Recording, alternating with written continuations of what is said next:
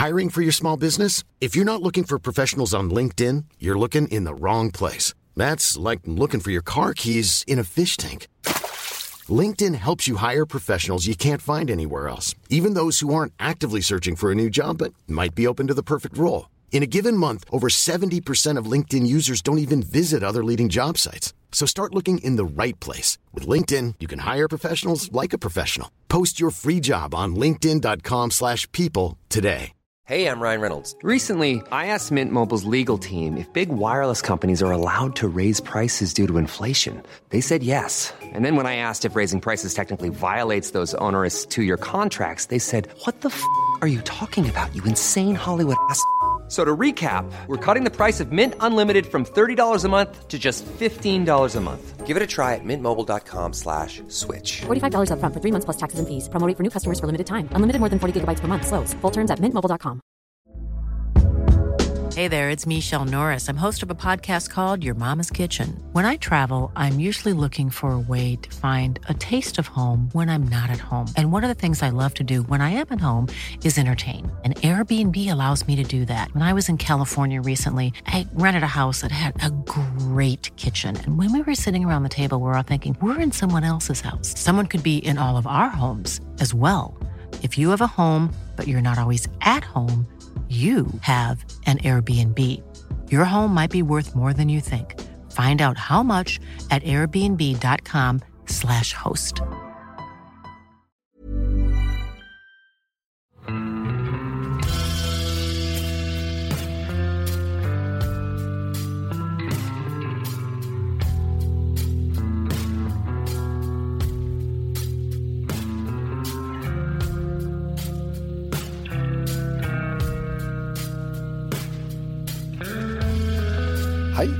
Og velkommen til podkasten Uteliv.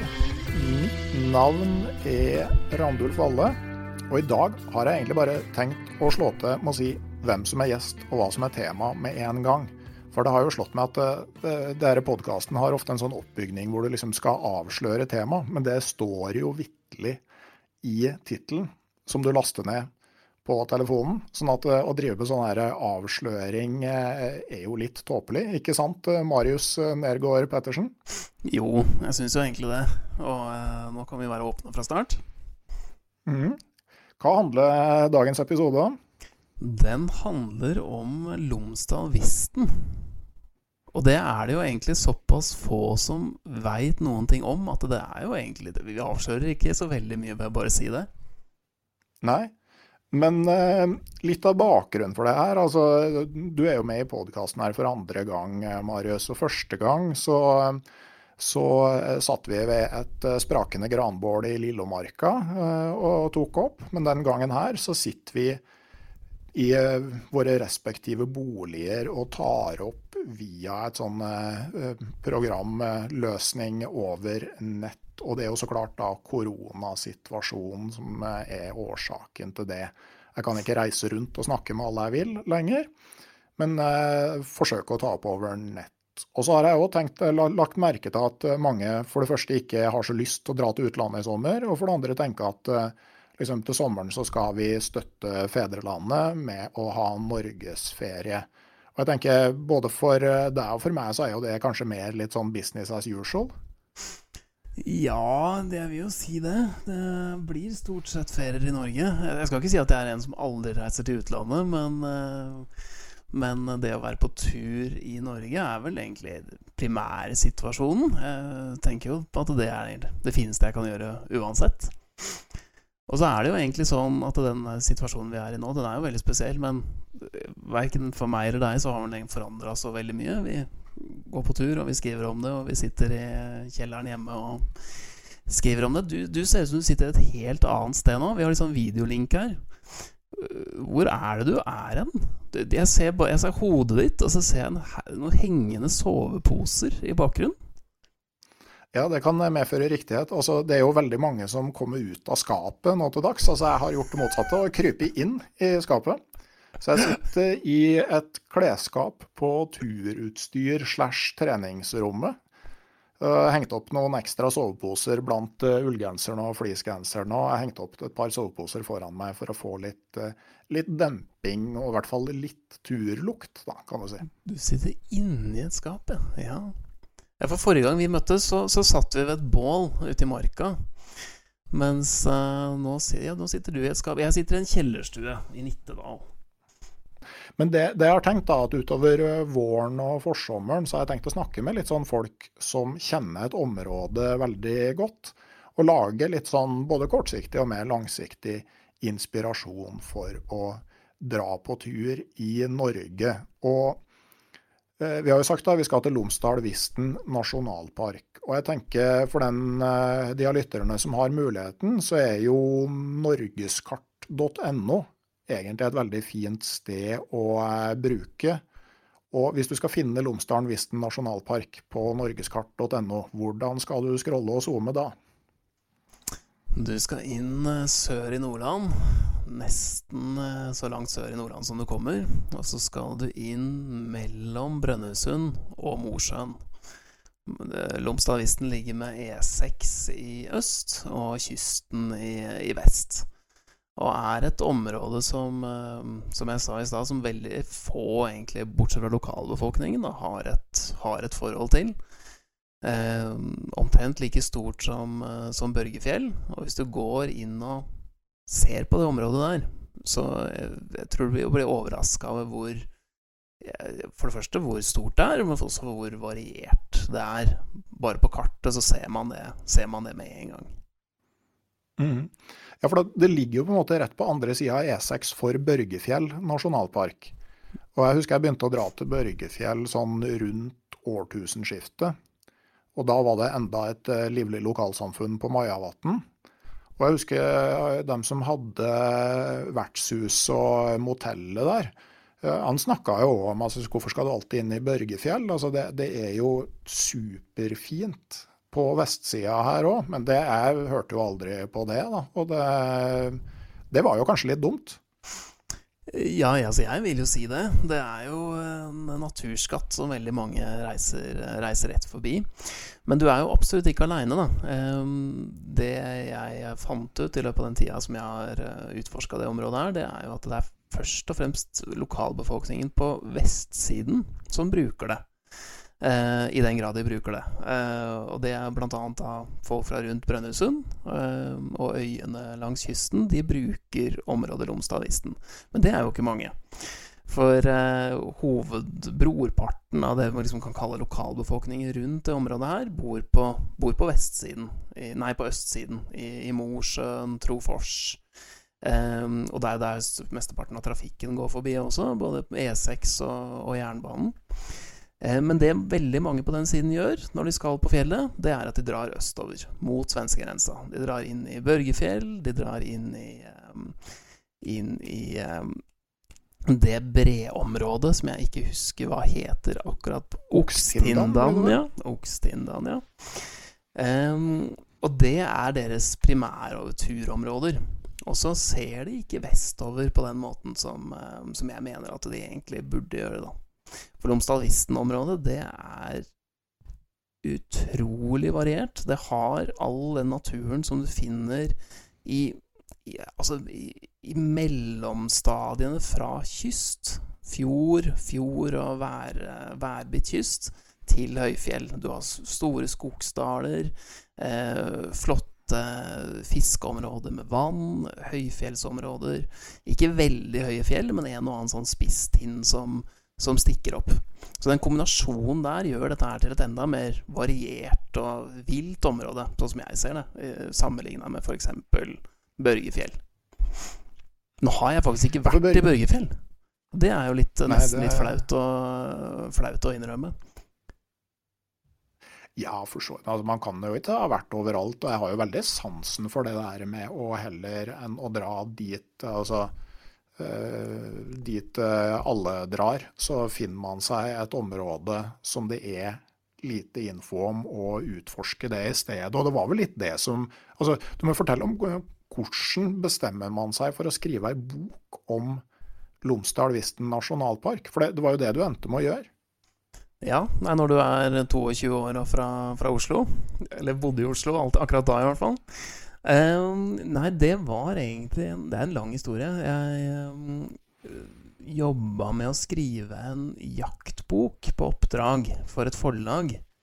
Og i forbindelse med det så leste jeg en, en bok som omhandla ulike fjellområder i landet. Helt fra lengst sør i Norge til langt nord. Og det var, var sånn bok hvor alle fjellområder hadde fått en del sider. Og nøye beskrivelser og, og sånne ting. Men så var det ett område, og det, var, det sto inni et kapittel om fjellområdet på Helgeland, som bl.a. også tok for seg Børgefjell. Um, og der sto det et lite avsnitt om et område inni, inni det kapitlet hvor det sto at det, på Helgelandskysten så er det noe som blir kalt for det gjemte landet som er ganske stort, det er ganske variert. Det er veldig få som vet om det. Um, og så sto det nesten ikke noe mer.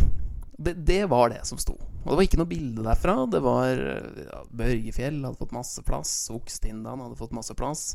Eh, alle andre fjellområder, kjente fjellområder i Sør-Norge hadde selvfølgelig fått veldig mye plass. Men det som sto der det gjemte landet, det var bare det der lille der. Um, og i i det, at det var så, var så lite, så blei jeg veldig nysgjerrig. Og så bladde jeg over det avsnittet flere ganger, og til slutt så tenkte jeg at jeg må i hvert fall sjekke hvor det er, så jeg gikk inn på, på kartene og så på, så på, hvor det var hen, og oppdaget jo at dette her er Det er kjempestort. Og ha, jeg så også at det hadde den variasjonen som jeg, som jeg beskrev i stad. Eh, med masse daler liksom, Fordi det var, så ikke ut som det gikk en sti der, så ikke ut som det lå en bygning der. Eh, det så nesten ikke ut som det lå hytter innenfor området i det hele tatt. Og det var noe sånn veldig sånn mystisk og rart, så jeg gikk i en bokhandel og kjøpte kart. Og for, for, å ta en lang historie kort, da, så blei det til slutt en sånn drøm som eh, jeg ikke liksom klarte å slippe. Eh, jeg måtte bare dra dit, så jeg måtte, visste at jeg måtte ha lang tid når jeg først skulle dit. Så um, første sommeren, da var jeg 22, og da pakka jeg en sekk for en måned. Um, og hadde kjøpt en togbillett, og så bare, bare dro dit. Og hadde egentlig ikke noe veldig store formeninger om hva jeg skulle, skulle oppleve. I dag så er du jo på en måte en sånn eh, erfaren og, og, kjent turperson. Men kan du på en måte beskrive den 22-åringen eh, som gikk av toget i Nordland og, og så liksom Og tassa innover her mutters aleine? Altså, hvordan hadde, hadde uh, Lille-Marius det da? um, ja, altså det, ja, det, er jo faktisk 13 år siden, så det begynner å bli noen år. Jeg vet ikke om jeg var Lille-Marius, men, men, Nei, altså, det var en uh, relativt mye mindre turerfaren uh, person. Jeg, jeg, hadde jo vært uh, masse på tur. Altså, det var det jeg hadde brukt store deler av tenåra mine til. Eh, også barndommen med foreldre og speider. Altså, jeg hadde jo vært mer på tur enn de fleste, og hadde allerede begynt å leve, leve til en viss grad av å skrive om og fotografere natur og friluftsliv. Men det var ikke en person som Altså, jeg hadde aldri vært på tur aleine i eh, flere uker tidligere. Jeg hadde aldri gått i et område som var så, så vilt som det jeg var på vei inn i hvor det ikke var sti, stimerking over store avstander. Hvor du liksom måtte gå i flere dager før du traff på noen form for eh, merking igjen. Um, så det var en helt, helt sånn ny opplevelse for meg. Mye mer sånn intens opplevelse. Um, så det var en fyr som var litt sånn litt sånn smånervøs, husker jeg. Eller uvant med det der å ikke ha noen ledelinjer å forholde seg til, annet enn terrenget, selvfølgelig.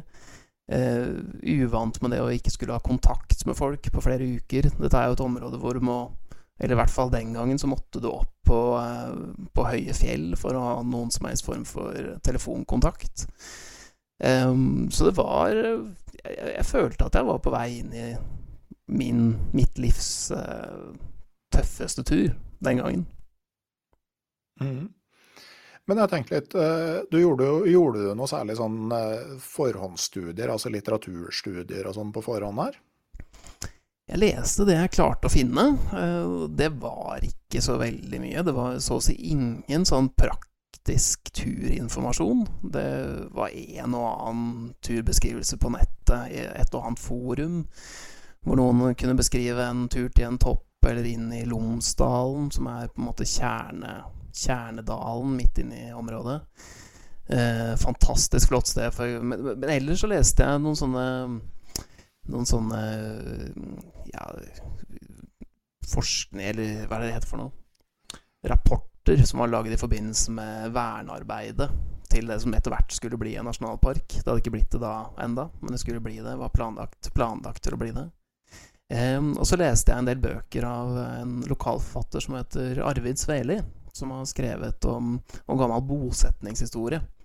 Så var det, det var hovedvekten av informasjonen jeg hadde. Det var eh, informasjon om folk som hadde drevet gårder eller, gamle, eller små, små bu, boplasser inne i området for eh, ja, 50 til 100 år siden. Mm. Men eh, så vidt jeg husker, så har du en far som er over gjennomsnittlig interessert i villmarkslitteratur. Og en onkel som er enda mer interessert i. altså Forstått det dit hen at det nærmer seg en diagnose. Eh, det gjør det så definitivt. Jeg har vokst opp i et hjem hvor det var, det var turlitteratur overalt. Ja, Men når du lanserte det prosjektet her for eh, din far og din onkel, altså hvor lang tid gikk det før de sa ja, men da må du jo lese 'Natt ved Bjønstokvannet' av Torbjørn Tufte? Eh, det, nei, det tror jeg gikk eh, Det gikk vel to sekunder, tenker jeg, før den, eh, den var på bordet. Den tok det faktisk en stund til jeg leste. Det, det er jo det første vannet. Altså Bjørnstokkvatnet. Det er det første vannet jeg kom til i området også. Så jeg burde ha lest den først, men den leste jeg etter hvert seinere. Jeg starta ved å gå inn fra et lite tettsted som heter, eh, heter Tosbotn. Innerst i en, en, trang, lang fjord som heter Tosenfjorden. Eh, en veldig fin inngangsport til Lomsdalvisten sørfra. Og det første vannet du kommer inn til da, det er Bjønstokvatnet. Som er et eh, fantastisk fint lite vann innimellom, eh, innimellom fjellene. Og med, ja, fra sørenden så har du utsikt utover fjorden, og Noen sier at det er ørret der også. Ja, det er noen voldsomme steinurer der. Jeg husker fortsatt den beskrivelsen til Torbjørn Tufta. Liksom, for det er en heller der uh, som du kan sove under. Og så, og så, skulle han videre derfra til et innos i mørket og beskrive det som en sånn voldsom kamp gjennom grov steinur. Er det noe som du kjenner deg igjen i, eller? Ja, det kommer litt an på hva slags innhold han skulle til. Det, det er kanskje litt fargelagt. Uh, hvis du går i mørket der, så vil du kanskje slite litt.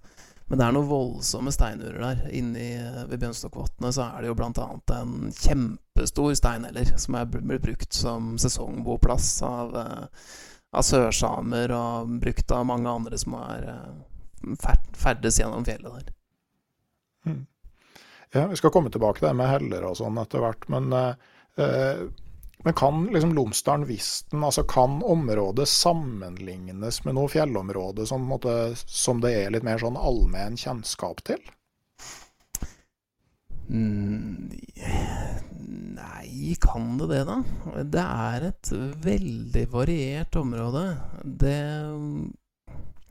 kan jo sammenlignes med kyst, en del sånn kystområder som man finner, eh, finner egentlig langs hele norskekysten. Men så er det noe med den størrelsen på det som gjør det så spesielt. Det at du går fra, fra fjorder, som sagt, opp gjennom store skogdaler og opp, og, opp på høyfjellet. Det, det, er ikke så mange områder som jeg har vært i, i hvert fall, som jeg tenker at det er uh, tilsvarende. Mm. Nei, for det, det, blir jo litt spesielt de områdene som begynner i sjøkanten og liksom går helt uh, til fjells. Altså De får en annen variasjon enn uh, sånne nasjonalparker som begynner på fjellet og slutter på fjellet. Mm, ja, det gjør det, altså. At du kan stå i uh, Du kan stå i fjæresteinene og fiske, fiske torsk på, på, morgenen, og så kan du bevege deg opp gjennom, opp gjennom gammel, gammel skog. flotte, flotte skogdaler Og så er det jo Dette er jo ganske langt nord i landet. Eh, omtrent ja, midt i landet er det jo, men eh, det er jo et sted hvor eh, Et område hvor tregrensa begynner å bli ganske lav. Så i løpet av en par timer så er det jo gjennom skogen. Så kan du steike torsken din på et stormkjøkken på høyfjellet på, på formiddagen. Det er, det er noe fantastisk fint med det, altså. Ja, og når du snakker om torsk, du fikk din første fisk på isfiske i Lomsdalen-Visten, og det var en torsk tatt i ferskvann? Det var en torsk tatt i ferskvann. Vi har en uh, miniatyr uh, tidevannstrøm til et vann som heter uh, Laksmarkvatnet. Og uh, det, der går det opp en del, en del, en del saltvannsfisk. Så på et av disse her fiskeforsøka mine der inne på vinteren Jeg var jo inni der i en, eh, i en måned. Eh, da Eller flere, flere ganger, for så vidt, dro jeg opp torsk der. Men uh, første gangen det kom opp en torsk der, så, så var jeg ekstase, altså. Da hadde jeg spist, for det første spist ørret en stund, og for det andre så, så var det jo utrolig gøy da, å få en stor torsk på, oppå et lite fiskehull inne i skogen. Mm. Jeg ser den. Jeg vet på, på Sørøya i, eh, i Finnmark så, så, skal det være noen sånne vann som har to sjikt. At det er saltvann i bunnen og, eh, og ferskvann i toppen. Sånn at liksom avhengig av hvor dypt du fisker, har jeg blitt fortalt, da, så kan du få enten sjøfiske eller ferskvannsfisk.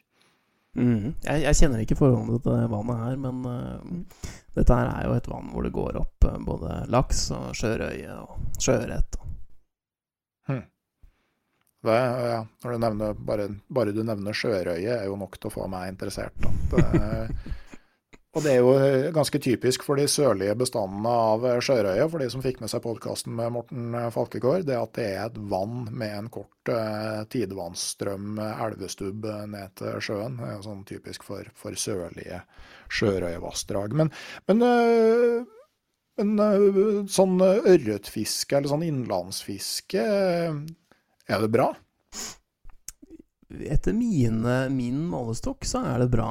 Eh, nå kan jeg jo si at eh, jeg er vel ikke den fiskeren som er mest kresen på størrelse. Eh, jeg er mer sånn matfisker når jeg er på tur. og hvis jeg kan gå i flere uker med å bare spise selvfanga fisk til middag, så er jeg mer enn fornøyd, selv om fisken er liten. Um, jeg tror nok noen vil mene at det er vel småvokst i Lomstadvisten. Det er mye ørret, men, uh, men du skal gå et stykke og være gjennom mange vann før du finner de vannene med stor, stor ørret. Men når du først gjør det, så, uh, så er det vann der med både tre og fire, fire kilos ørret. Det er så klart bare å kjøpe boka du lagde, så står de vannene markert med store kryss, ikke sant? På ingen måte, men eh, det, det står, det står så noenlunde hvor jeg har gått. Så vi Nei, de, de, største, største ørretfangstene jeg har uh, vært med på der oppe, det har faktisk kommet etter at boka ble, ble skrevet. Men jeg har vært med på drap, drap ørret på over tre kilo der. Og det er Det var broren min som fikk den, da, bittert nok. Men uh, det, er, det, er, vann med, med stor fisk, altså. Mm. Så, eh, men som i de fleste områder, så må du, eh, må du, jobbe litt for det. Men jeg tenker sånn generelt, hvis du er ute etter stor ørret, så er det jo ofte å se etter de små vanna med dårlige gytemuligheter.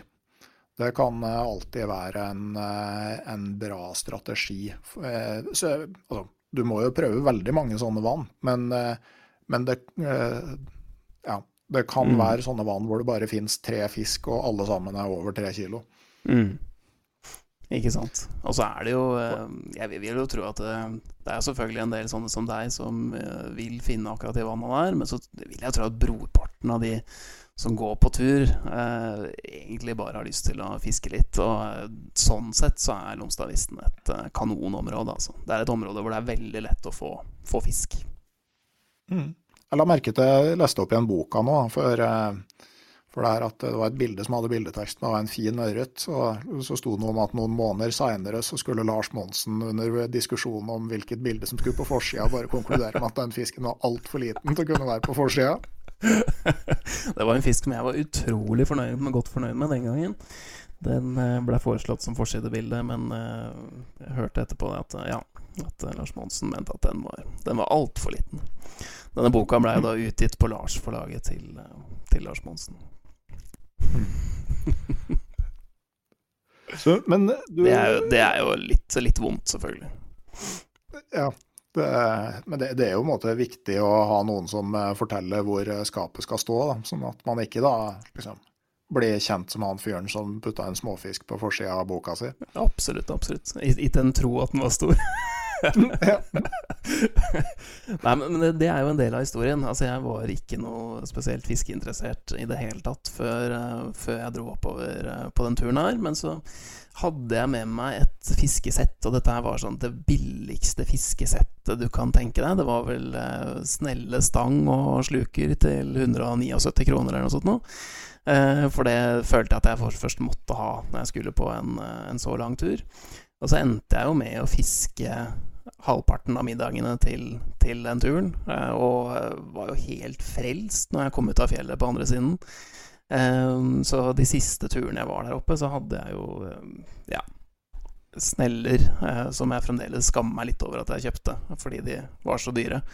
Og, og jeg er jo fremdeles ikke noen proff fisker på noen som helst måte, men gikk ut av det området her par år seinere som eh, relativt frelst, altså. Mm. Det er jo eh, bra, for at du brukte, brukte et par år på, eh, på å dra på tur, turer og lage den boka her? Ja, jeg forelska meg jo da helt fullstendig etter den første sommeren. Um, og kom tilbake året etter. Da hadde jeg tatt ett år fri fra studiene som jeg, som jeg gikk på den gangen. Bare for å være der oppe, egentlig. Eh, ikke bare for det, for jeg hadde også en kjæreste i Oslo og et liv der som jeg måtte holde sånn noenlunde ved like. Men jeg dro på, dro på tur hver, ja, hver, tredje måned, var jeg omtrent, eh, omtrent, der oppe. Og da var det stort sett en, eh, en måned av gangen. Gjennom alle årstider. Høsten og vinteren og eh, påsketider og ny sommer igjen. Og utrolig, utrolig fin tid. Og så um, gikk det da, gikk det da et, et, år, og da hadde jeg vel stort sett brukt mesteparten av tida som hadde gått da i de to årene fra jeg på en måte oppdaga området, til å enten være der, eh, tenke på det og planlegge og drømme om nye turer der, eller eh, skrive, skrive boka om det.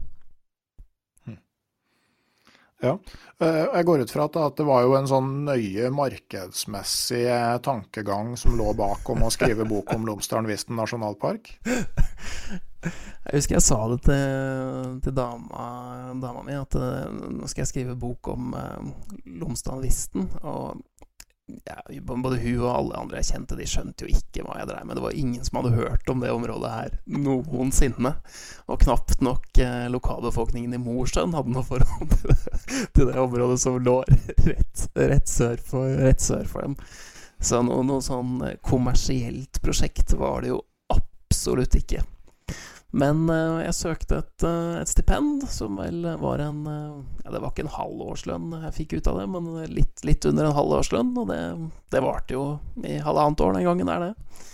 Jeg mm. var, var fattig student og vant til å være fattig student og ville stort sett bare på tur, så veien var liksom belønninga.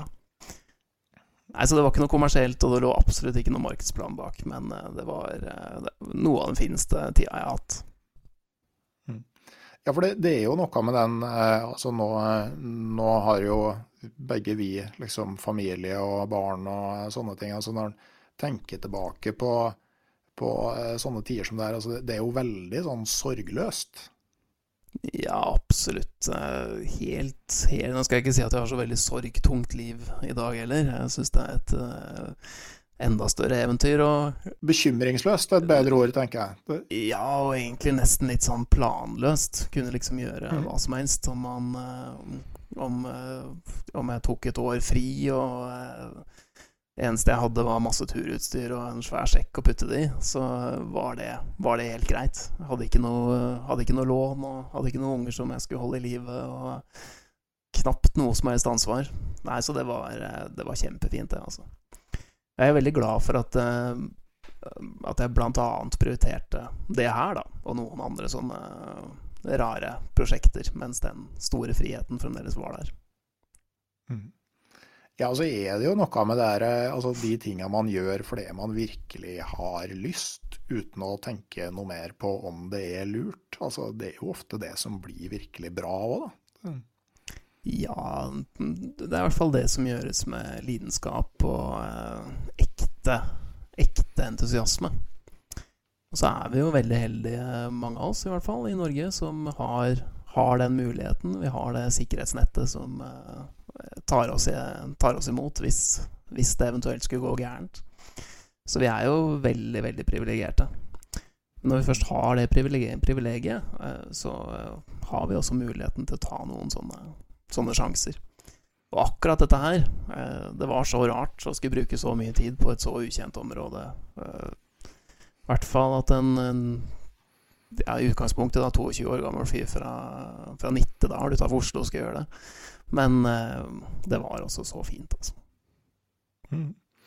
Men du snakka på, du, du, leste en del om måte, um, altså, historisk bruk av området.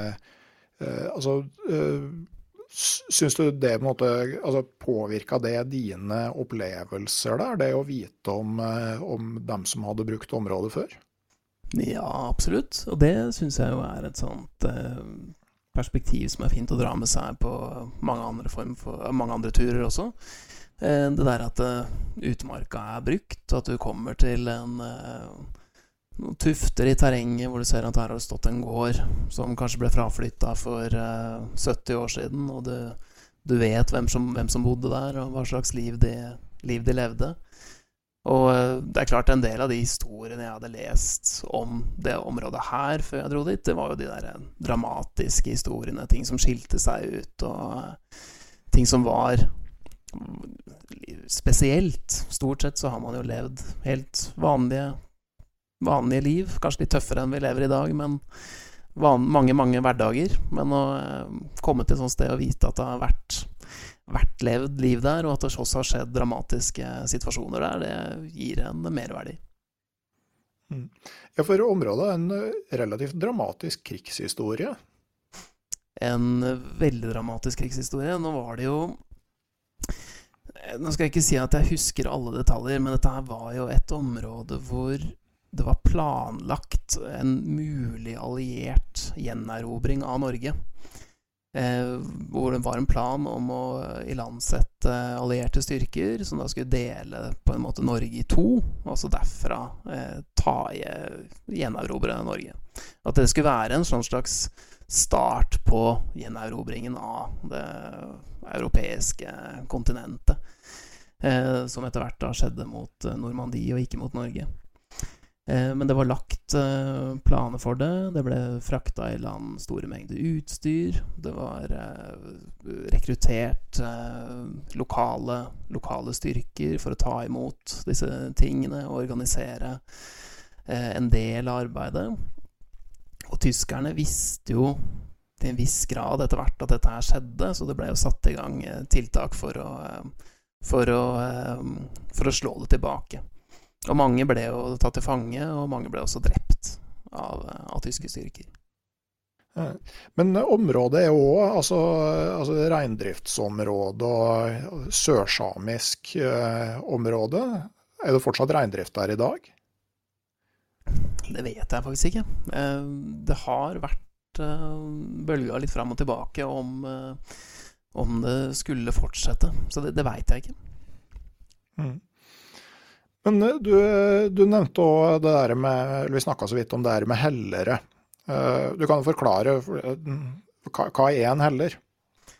En steinheller det er et lite rom under et utoverhengende steintak. Og så er det noen sånne definisjoner som skiller dette her fra en grotte. Jeg lurer på om dybden av hullet ikke skal være dypere enn bredden av åpningen. Et eller annet sånt noe.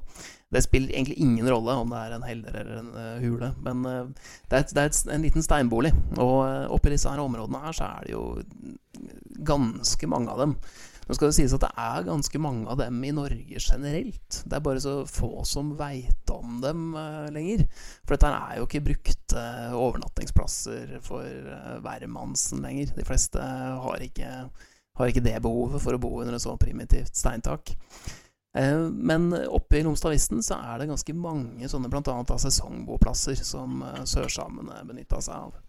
Og det er to steiner som står mot hverandre, og som utgjør en uh, liten hytte. Det er uh, steinurer hvor det er uh, naturlig, naturlig hulrom under, eller også da delvis gravd ut hulrom på undersiden. Ved Bjønstokkvatnet der så er det jo en helle hvor det er plass til sikkert 15 overnattende. Kjempesvær. Og veldig sånn Når du bor i dem, og jeg har bodd, bodd ofte i dem og gjort litt sånn sport i å prøve, prøve, å finne dem, og det er ofte veldig vanskelig å finne dem. Men når du da finner dem og kan bo under der, det er som å bo på historisk grunn, altså. Du føler at du, du Og det gjør du jo også. Du ligger på akkurat samme sted som folk har ligget i hundrevis av år før deg. Fyre bål på den samme, samme asken som uh, har ligget der i hundrevis av år. Og det er uh, Ja, jeg syns det er helt magisk. Mm. Jeg har liksom litt inntrykk av når jeg leser boka, og at du uh, Du åpner etter hvert for at det er mer mellom himmel og jord enn enn det er lett å kategorisere. Ja, men det tror jeg alltid har vært åpen for. Men uten at det er noe uh, Det er ikke noe åndenes makt over det. på noen som helst måte. Men eh, jeg hadde jo noen opplevelser der oppe som var litt spesielle. Det var eh, blant annet en vinternatt. Det var siste natta på en måneds eh, månedstur. Jeg hadde stort sett vært aleine. Og da kan du jo kanskje argumentere for at da begynner man å bli litt, litt smårar. Men eh, da lå jeg med, ved et bål, eh, litt sånn høyt opp i en, eh, i en skogdal. En vinterkledd, hvit hvitkledde dal full av hvitkledde trær. Og så reiser jeg meg fra bålet. Dette er kanskje sånn i to, tre, fire-tida om natta. Det er helt mørkt, og jeg er definitivt det eneste mennesket i den dalen. Det er ikke sjans for at det er noen andre i den dalen. Um, og så ser jeg utover, og så er det da noen hundre meter unna meg, så er det som om det er tent en lampe nede i, i skogen et sted. Det blafrer et sånt et sånt blafrende lys opp mellom, mellom trærne. Sånn rødgult uh, Rødgult lys. Akkurat som det står en sånn uh, Ja, hva skal vi si tent fjøslykt et sted der nede, men veldig mye sterkere enn det. da. Og jeg står lenge og ser på dette her. Det er jo helt stjerneklart over meg. det er jo helt mørkt. Men til, slutt så klarer jeg å lage en sånn teori. Og dette, dette handler litt om at jeg, jeg, var så sliten. Jeg var så innmari sliten, og det var så mye snø. Så jeg orka ikke å gå og sjekke hva dette var, gjennom sånn tung, tung snø. Men konklusjonen ble til, slutt at det, det, må komme noe sollys ned gjennom en dal fra noe begynnende solopp, soloppgang et eller annet sted, noe som skaper det lyset her. Og så gikk jo gikk det flere timer, da. Dette var en natt hvor jeg ikke sov, jeg bare lå ved bålet. Og så pakka jeg til slutt sekken og skulle gå og dro, dro av gårde fra den her leiren. Jeg skulle nå en båt fra en, fra en fjord. Og så på vei dit så slår det meg at, at jeg det er jo ikke blitt noe lyst. Det er, det er, jo ikke lyst i det hele tatt. Det er jo ikke, det er ikke noe sol noe sted nå. Eh, så hva var det der, det lyset? Jeg har ikke noen teori på det. Jeg har ikke noen klar formening om hva det var. Men det, det var et lys som jeg fremdeles en dag i dag på ingen måte klarer å, klarer å forklare. Hm. Interessant. har du noe, har du hatt noe overtroiske eller noen sånne larger than life-opplevelser der ute? Nei, eh, men eh, Nei, egentlig ikke. Eh, men jeg husker altså, det der når du er aleine over tid, så skjer det mye rart i topplokket, tror jeg. For det Jeg hadde en sånn tur øst for Store Slavesjø i Canada. Snakka om den her i podkasten før, da jeg skulle prøve å slutte å være mørkredd. Så jeg dro aleine dit i slutten av september.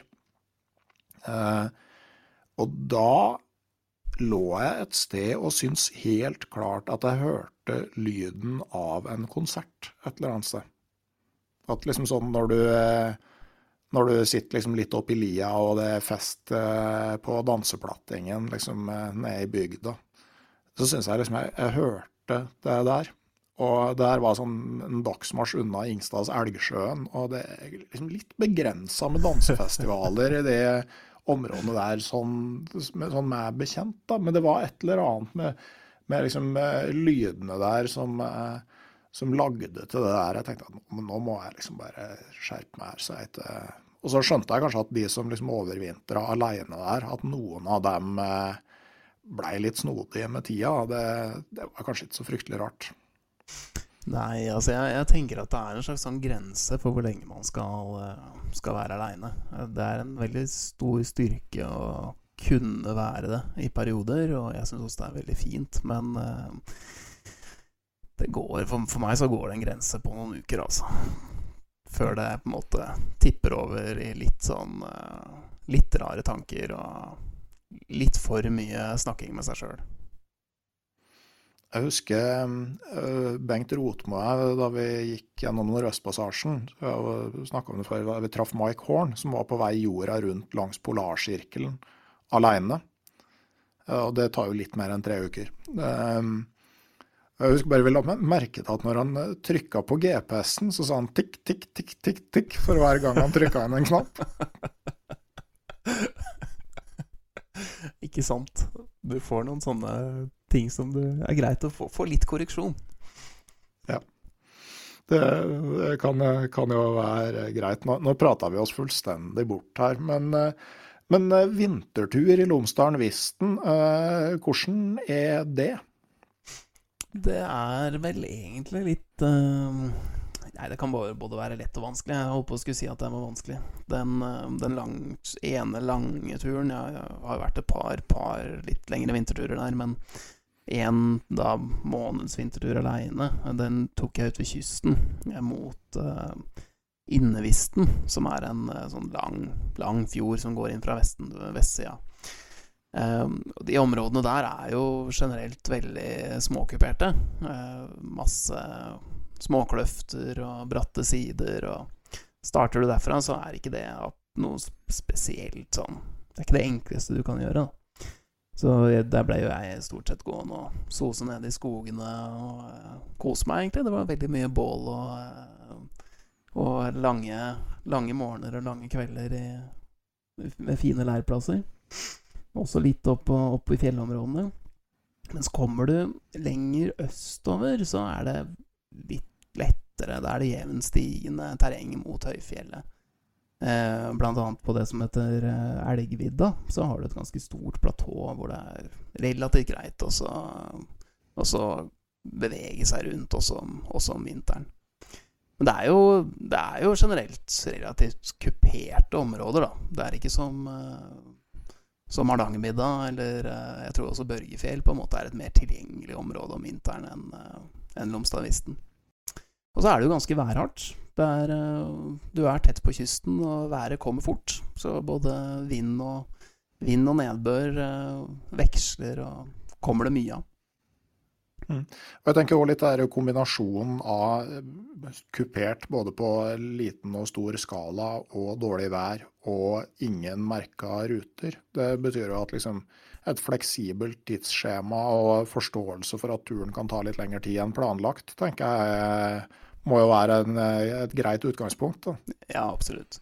Og når jeg sier at det er relativt tilgjengelig, så mener jeg vel egentlig at det er relativt tilgjengelig for folk som kanskje har vært ute Eh, en del før, og eh, har en del erfaring med, med vinterfriluftsliv. Eller har med seg noen som, eh, som, har det. For det er klart at det er et mer krevende område enn veldig mange andre turområder i, i, Norge. Og du har jo ingen uh, turisthytter, eller du har noe åpne buer hvor det er mulig å søke tilflukt, men de er bitte små, de, de er ikke merka til, og du må må vite hva du driver med før du gir deg i kast med et sånt, uh, sånt, område som dette er. Men så er det noen områder på annet på, på østsiden, annet en stor dal eh, ikke veldig stor, men en dal som heter Stavasdalen, som er et eh, veldig lett tilgjengelig område. Eh, som gir en sånn smak på hva området kan, kan være. Også veldig fint å besøke om, eh, om sommeren. Mm. Men sånn litt mer om altså, Du snakka på at eh, altså, det er ikke noe mye og hytter og sånne ting du kan bo i her. Altså, hva, hva uh, Går det an i det hele tatt å basere seg på å bo noe mye innendørs, eller er det kun telt? Du kan det, hvis du vet hvor stedene er. Og nå har det jo kommet et Den gangen jeg begynte med å gå oppi her, så var det jo et ganske dårlig kartverk. Nå har det kommet ganske gode turkart over området. Og, eh, og, de viser jo, så vidt jeg har skjønt, alle de åpne buene. Og det er faktisk en del åpne buer. Eh, enk, veldig enkle buer med varierende kvalitet. Men det er mulig også å bo, bo innendørs hvis du veit hvor disse stedene er. Eh, blant annet noen sånne tømmerhoggerbuer. Eh, en relativt fin bu i, eh, i ved noe som heter Tøymvatnet. Tøymvasshytta som er satt opp i forbindelse med en, eh, med en elektrisk, elektrisk, kabel som gikk gjennom området i, i mange år. Eh, så noe sånne steder som har blitt brukt til annen praktisk bruk, fins det, det, i området. Men veldig lite som er tilrettelagt for, for friluftsliv primært. Men en og annen gamme, en og annen bu, så vet man hvor de er, så kan man, kan man egentlig gå gjennom området uten, uten, telt også. Men jeg vil jo si at dette er et klassisk eksempel på et område hvor du bør ha et telt i sekken. Mm. Er det noen hemmelige hytter der, da? Det kan jeg vel si så mye som at uh, det er det overalt. Nå skal alle åpne hemmelige hytter og eh, liksom eh, prøve å matche bildene der med beskrivelsene man har fått av Lomsdal Westen. Men, men sånn Turistforeningen, har de noe tilrettelegging i, i nasjonalparken? De har det på utsiden. De har det i den Stavasdalen som jeg nevnte, nevnte i stad. Blant annet Eller de er de, de, samarbeider med en lokalforening som har satt, satt i stand noe som heter Stavasgården, hvor det er et lite, lite Eller mulighet for å bo for alle, men også for da DNT-medlemmer. Men sånn ellers, altså, hvis du da Hvis du vil til Lomsdalen Visten, kan du ta litt sånn, litt sånn grunnkurs i adkomstlogistikk? Ja, altså det letteste er jo å komme hit på, på sommeren når det, er, når det, er, bart. Og da har du ganske mange innfartspunkter fra ja, store deler av, av, nasjonalparken. Det er ikke så lett å komme inn fra nord, men fra vest så er det Du kan gå rett fra Mosjøen hvis du vil, eh, og gå inn til eh, inn gjennom noe som heter Fjellskaret. Da kommer du inn i, i norddelen av eh, av området til, til Hunndålvatnet. Da kan du gå videre innover fra, fra nordsiden. Blant annet veldig fint å gå over til Vistenfjorden, hvor du, da får du en sånn fin tur gjennom, gjennom området. Ellers så er det jo eh, fra den her Stavasdalen, som jeg nevner. Eitrådalen er en eh, fin dal å starte. Da går du inn i en veldig flott eh, flott skogdal mellom, mellom høye fjell, bl.a. Vistmannen, som er et av, et av de fineste og mest sånn dramatiske fjella i, i, området. Skal du sørfra, så er det fint å gå inn fra Tosbotn, som var der hvor jeg starta min, min, aller første tur. Da kommer du bl.a. forbi eh, Bjønstokkvatna, som vi snakka om i stad, og så Breivatna. Og etter hvert da så kommer du inn til det som liksom er kjernen av, uh, av Lomsdalvisten, og det er den dalen som heter Lomsdalen. Og dit så kan du også komme fra en, en eh, fjordarm som heter Storbørja. Det er kanskje det enkleste ruta inn i området, men det er ikke så, lenge, det er ikke så kjempeenkelt å komme inn dit, for du må ha, du må ha privat skyss finne privat, en privat båt som kan kjøre deg inn fjorden. Men kommer du dit, så går det faktisk en sti fra Storbørja og inn til, eh, til Lomsdalen. Og Lomsdalen er en, sånn som jeg ser en helt særegen dal, eh, som ligger med en fantastisk fin, åpen, lavtvokst furuskog i, eh, i, den ene enden. Eh, og så blir det litt mer sånn eh, tung skog lenger inne, men så tar høyfjellet over. Og du har Det er en sånn Det kan nesten ikke beskrives. Det er et sånn platå av en dalbunn som ligger mellom kjempefine, ville, små, småkuperte kystfjell, og med en sånn jeg, jeg, kjenner at jeg mangler ord for å beskrive det. Det er som en sånn grønn stripe innimellom grå fjell, og så har du en fantastisk fin elv som renner gjennom, og masse fine små fiskevann. Hm. Det høres eh, fantastisk ut. Men eh, sånn med tanke på adkomst, da. Altså, eh, altså offentlig transport, bil. Hva bruker man for å komme til start? Eh, den tida jeg drev og gikk mest oppi her, så hadde jeg jo verken eh, Jeg hadde jo ikke lappen, og jeg hadde ikke penger, så eh, det eneste jeg brukte, var tog og, tog og busser. Og det er ikke veldig Det er ikke veldig praktisk, for du, du må starte, starte, på upraktiske steder, og du må vente på korrespondanse og sånne ting. Men det, det fungerer. Du kan f.eks. ta toget til Trofors eller Mosjøen fra Mosjøen så kan du gå rett ut, men eh, Eller eventuelt ta en taxi fram til eh, inn, inngangen til Eitrådalen, eller opp mot dette fjellskaret som jeg snakka om. Men tar du toget til Trofors, så kan du ta bussen til, til Tosbotn. Eller til, og enda lenger mot Brønnøysund. Men Tosbotn er et greit sted å starte hvis du kommer kollektivt. Bussen til Tosbotn den går noen ganger om dagen. Det kan hende at du må vente litt for å, for å komme på den, men uh, veldig, veldig greit utgangspunkt. Da kommer du opp i flotte, flotte områder fort. Ja. Jeg tenkte på når du snakka på det her med liksom å uh, å ikke ha penger da jeg var i militæret. Jeg tok det etter studiene, og det anbefales for det første ikke. Men eh, vi skulle på en padletur. Vi skulle padle fra, fra Sulis og til Arjeplog i eh, Nord-Sverige. Eh, og eh, vi hadde så lite penger at når vi da gikk av bussen oppe i Sulis og skulle ta drosje opp til det der Låmivatnet, så måtte vi bare be drosjesjåføren kjøre til taksameteret. Viste 53 kroner. Det var alt vi eide, og det var helt skrapa på alle kontoer. Og det kom nye sånn dagpenger i løpet av turen, eller måtte gjøre det hvis vi skulle få fylt bensin på den bilen som sto og venta i Arjeplog, så vi skulle klare å komme oss sørover igjen. Det var helt fantastisk. da. Vi fant ut vi hadde ikke råd til han, han som jeg var på tur med, hadde egentlig tenkt å kjøpe en ny uh, til, til Snella, men det var liksom det var det eller drosje opp alle de høydemeterne. Så det, det ble et enkelt valg. Ikke sant. Og det er jo Det, det er jo egentlig Jeg syns jo det bare er fint, jeg, å ha vært igjennom noen sånne perioder.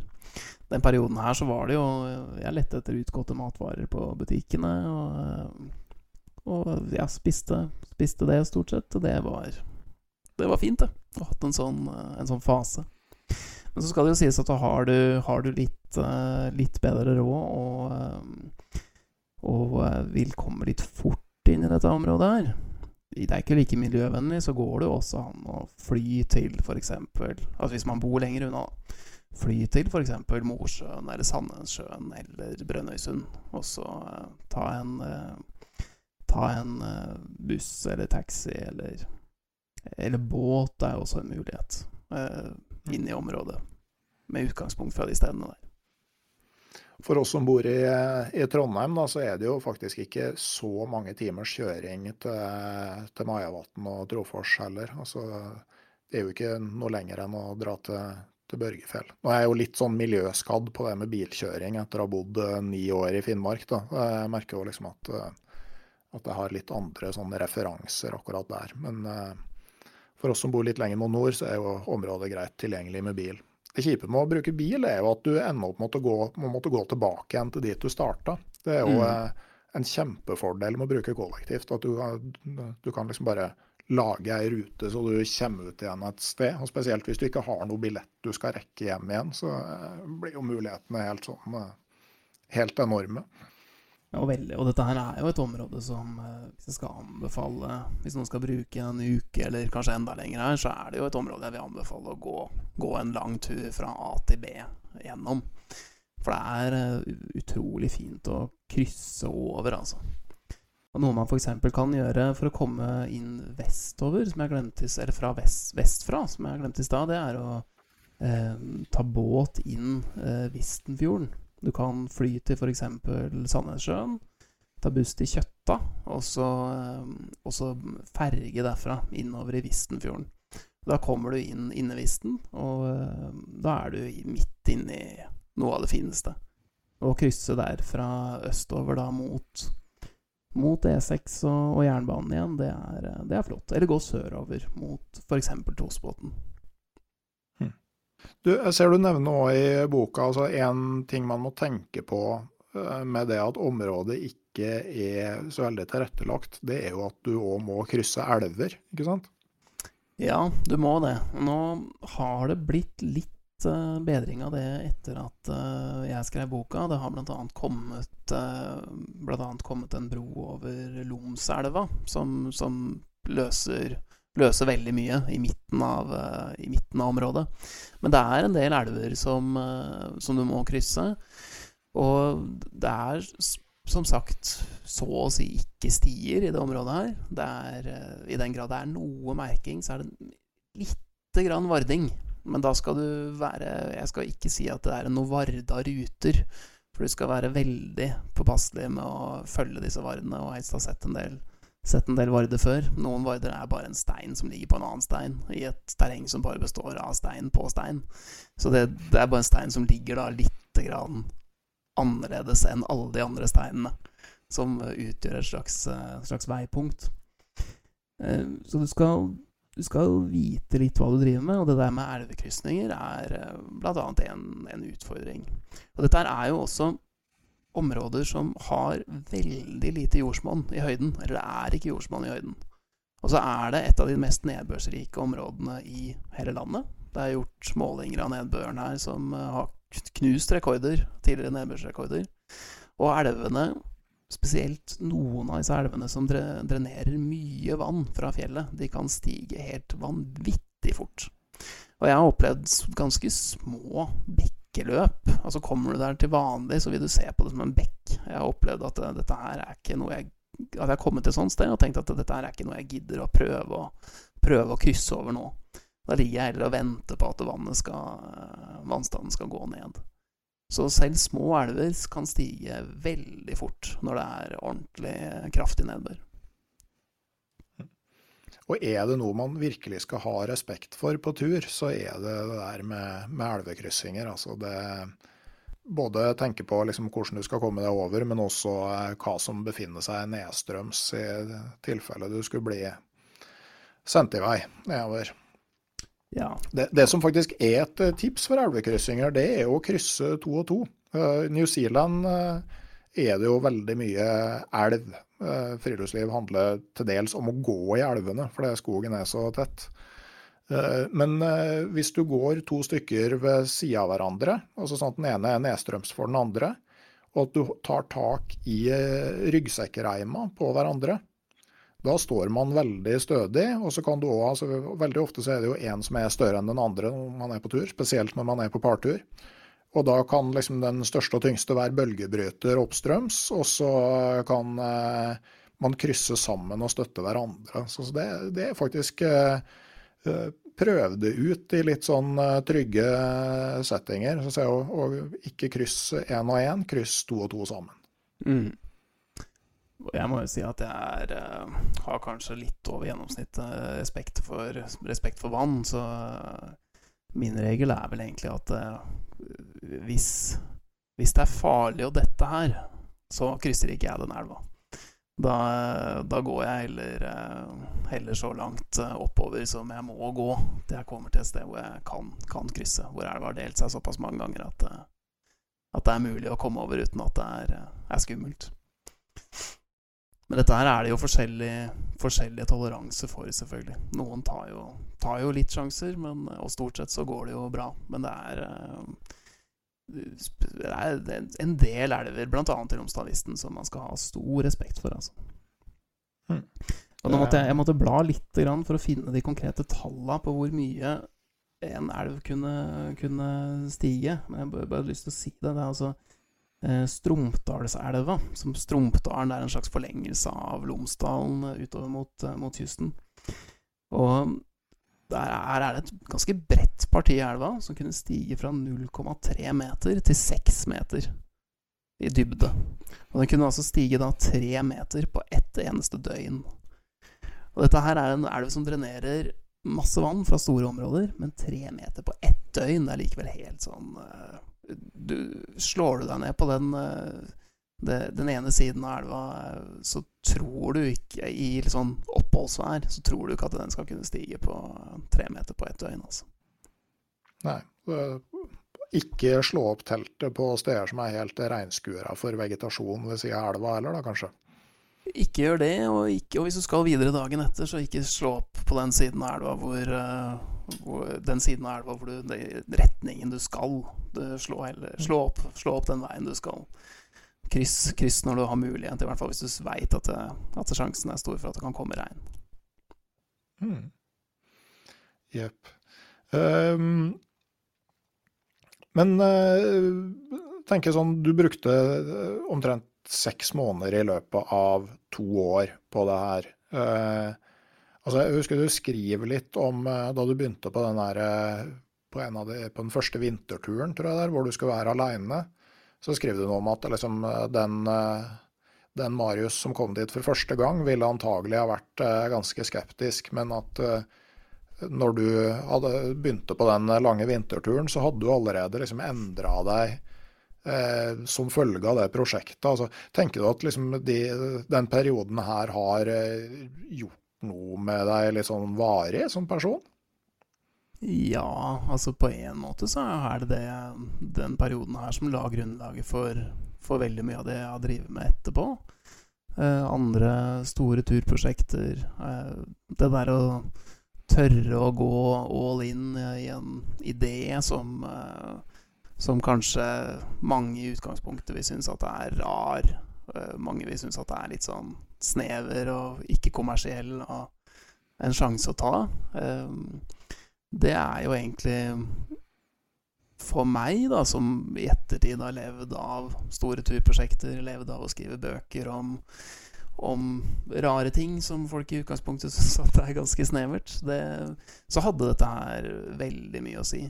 Og det hadde også veldig mye å si for min turerfaring. Å kunne tidlig i 20-åra bare bruke seks måneder da, bare på å få masse, masse erfaring med å gå aleine i et stort område, nesten uten andre mennesker. Eh, det la et sånt vanvittig fint grunnlag og en vanvittig trygghet. Det, og det er jo noe med friluftsliv generelt. Det gir en stor mestringsfølelse. Og når du mestrer det og får en god dose erfaring og evne til å, til å skjønne hvordan du skal klare deg der ute, så gir det en veldig trygghet. Og den situasjonen som du henviser til der, hvor, eh, hvor jeg sto og tenkte at uh, her ville jeg vært redd for, uh, for en god stund siden tilbake, det da hadde det vel gått ett og et halvt år nesten, siden jeg var der, dro opp der på den første månedsturen. Eh, den situasjonen der var jo en situasjon hvor jeg hadde dratt aleine inn i en stor dal midt på vinteren, i mørketida, i januar. Det var eh, Jeg lå sånn jevnt rundt 20, 20 minusgrader. Eh, jeg bodde de første, første tida på en sånn forlatt ødegård som, eh, som, hadde stått tom i flere, flere tiår, bare brukt litt som fritidsbolig. Det var sånn det knaka i veggene.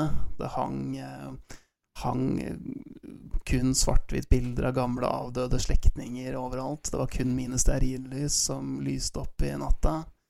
Ut, Utafor så knaka det i vinterskogen av, eh, av kulda. Og så har da det vannet, store vannet som brer seg ut ut fra den, den, den gården her, har, det har da navnet Dødens vann. Kallenavnet Dødens vann. Fordi blant annet Eller fordi at den tidevannstrømmen som går inn og ut fra vannet, drar saltvann opp i, opp i vannet, mikser det, gir dårlig is. Så det har jo omkommet massevis av mennesker på det vannet. Eh, gjennom generasjoner på generasjoner av eh, folk som har brukt, brukt området.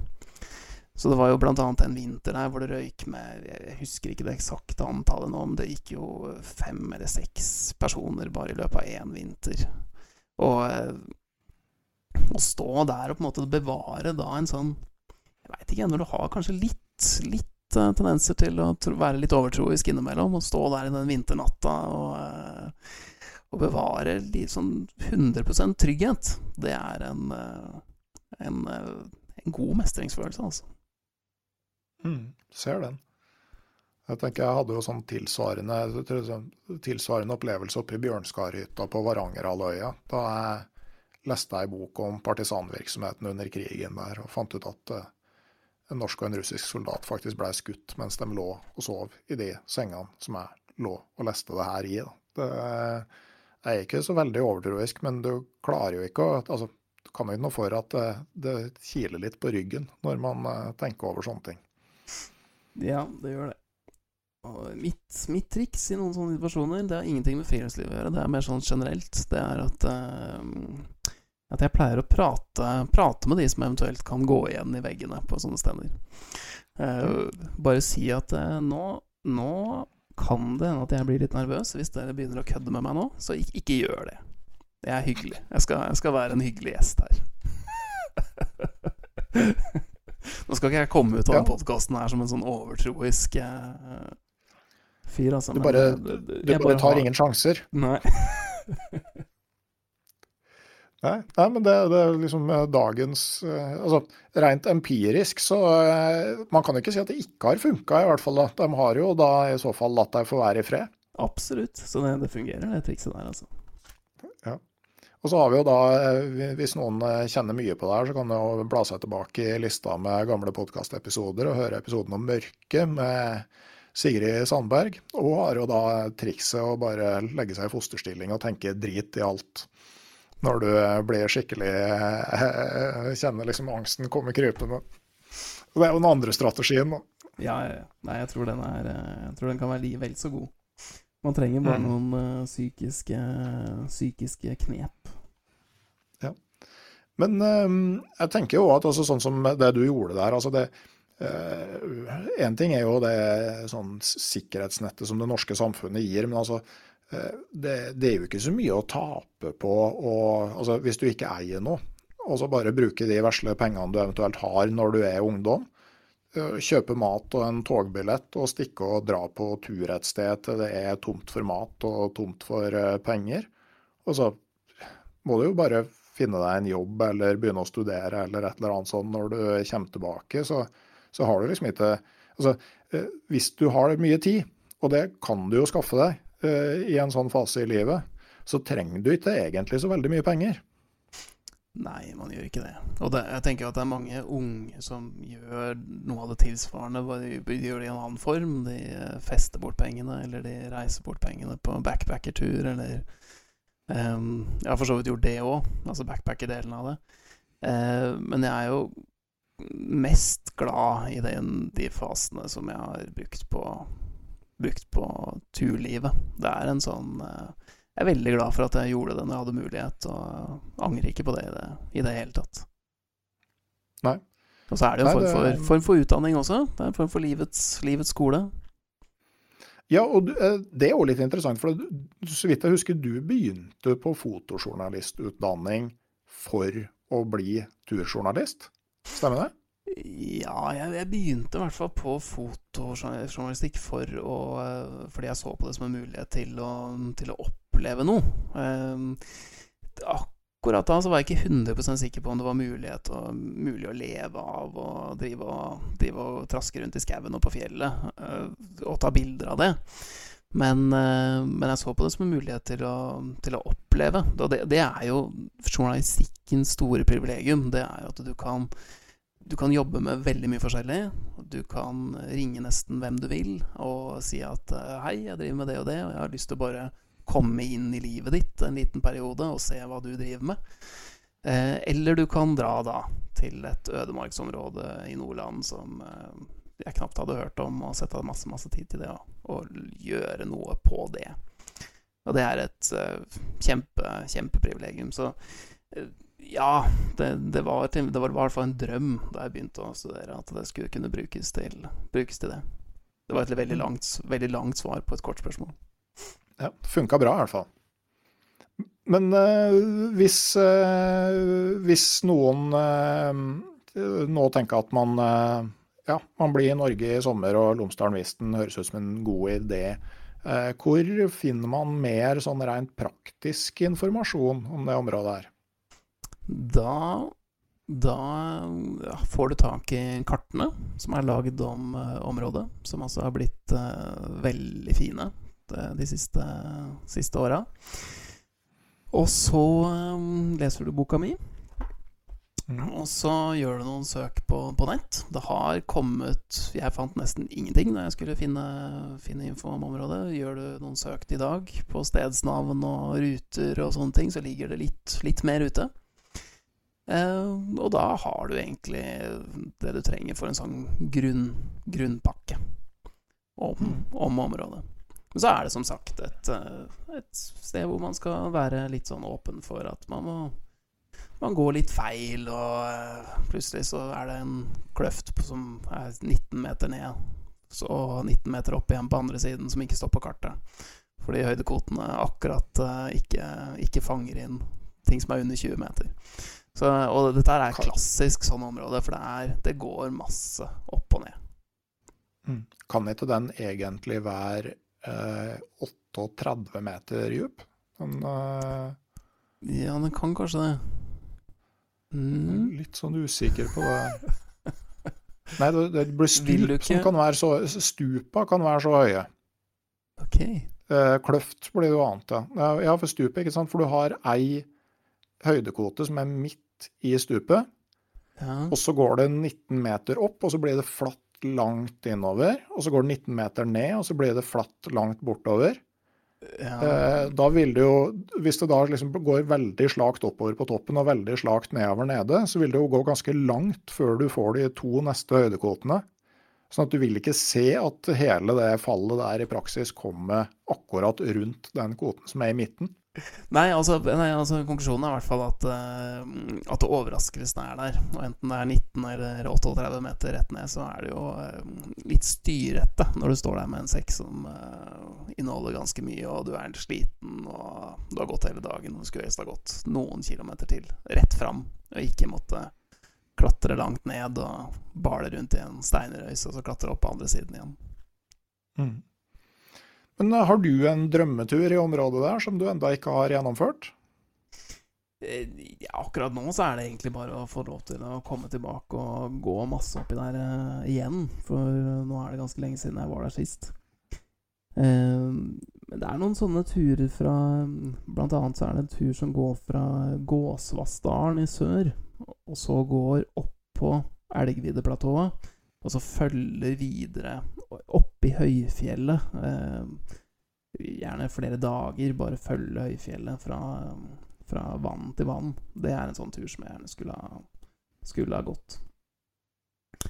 Men eh, hoveddrømmen er kanskje å bare få lov til å rote rundt mye av de turene jeg allerede har vært har gått der oppe og oppsøke en del av de samme fiskevannene og eh, de samme små, små smørhulla som, som, jeg gikk i den gangen. Altså. For det er et område med veldig mye sånne små oaser. Du kommer til et lite vann, og du ser liksom ikke spor av mennesker eh, eh, langs kantene. Du, det er ordentlig gammel skog som vokser, vokser rundt hvis du er nede i disse eh, lavere lignende dalene. Det er og det er noen sånne scenarioer i brytninga mellom skog og fjell som eh, er ordentlig, ordentlig fin. Det har jeg sagt nå mange ganger, men eh, det er mange områder jeg bare har lyst til å komme tilbake til. Mm. Så får du jo dra tilbake til det stedet med det merkelige flakkende oransje lyset. Kanskje du kan finne ut hva det er for noe? Ja, ikke sant? Jeg tror jeg aldri kommer til å finne ut hva det er for noe. Da, da må jeg kanskje være der en måned igjen, midt på vinteren. Det, det blir en stund til, men uh, hvis det var en sånn form for rus, så kanskje jeg må oppnå det igjen. Ja, Spiste du noe lav eller noe sopp eller noe sånt før det der skjedde, tror jeg? Det... Da må det ha rota seg sammen med resten av maten min. i Ja, eventuelt noe merkelig gjæring i turprovianten. Uh, men uh, jeg tenkte til slutt her Jeg sjekka, du, du, har ikke lest 'Brødrene Vega' av Lars Lent? Den har jeg ikke lest, nei. Nei, for der blir Storbørja ganske ettertrykkelig ommøblert i avslutningsscenen. Eh, jeg kan jo røpe såpass som at det er lite bebyggelse igjen i Storbørja etter at boka er over. Det er jo veldig interessant. Ja. Og der er det jo da, det er jo da radarparet eh, advokatfullmektig Leo Vangen og ekstorpedo Rino Gulliksen som eh, som eh, står for, eh, for, mye av action her. Vet du hva som er forskjellen på en advokat og en advokatfullmektig? Nei, men jeg tror jeg kommer til å vite det veldig snart. Ja, og du, du får vite det mange ganger i løpet av de bøkene der. At en, eh, en, for å kalle seg advokat, så må du ha ført eh, tre rettssaker. Og eh, Leo Wangen begynner vel å ha passert 50 år, men han, det gikk så skeis med den første at han har liksom aldri kommet lenger enn til, til fullmektig-tittelen. Rino Gulliksen er en eh, stor, skalla fyr med slangetatovering rundt halsen og Senterpartilogoen tatovert på kinnet.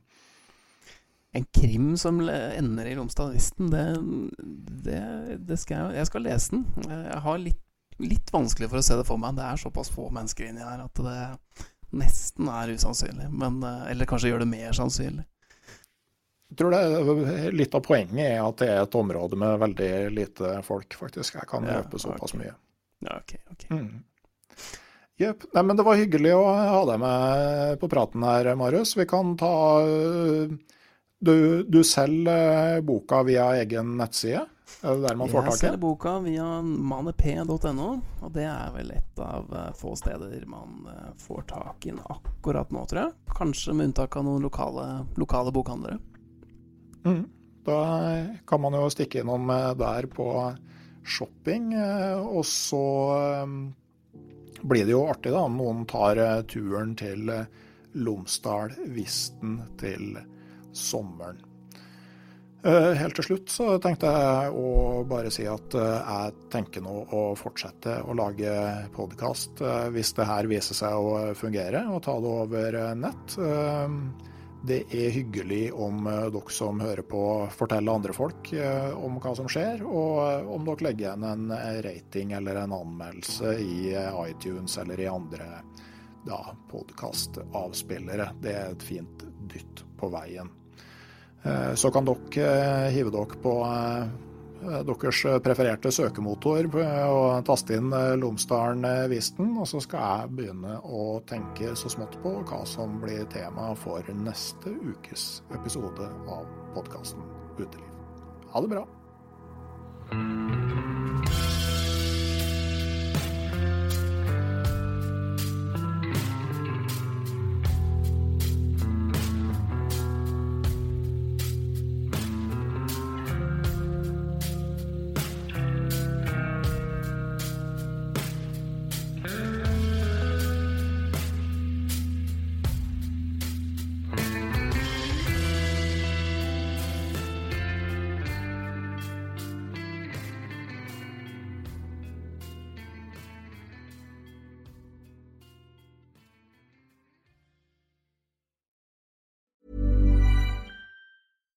Hi, I'm Daniel, founder of Pretty Litter. Cats and cat owners deserve better than any old fashioned litter. That's why I teamed up with scientists and veterinarians to create Pretty Litter. Its innovative crystal formula has superior odor control and weighs up to 80% less than clay litter.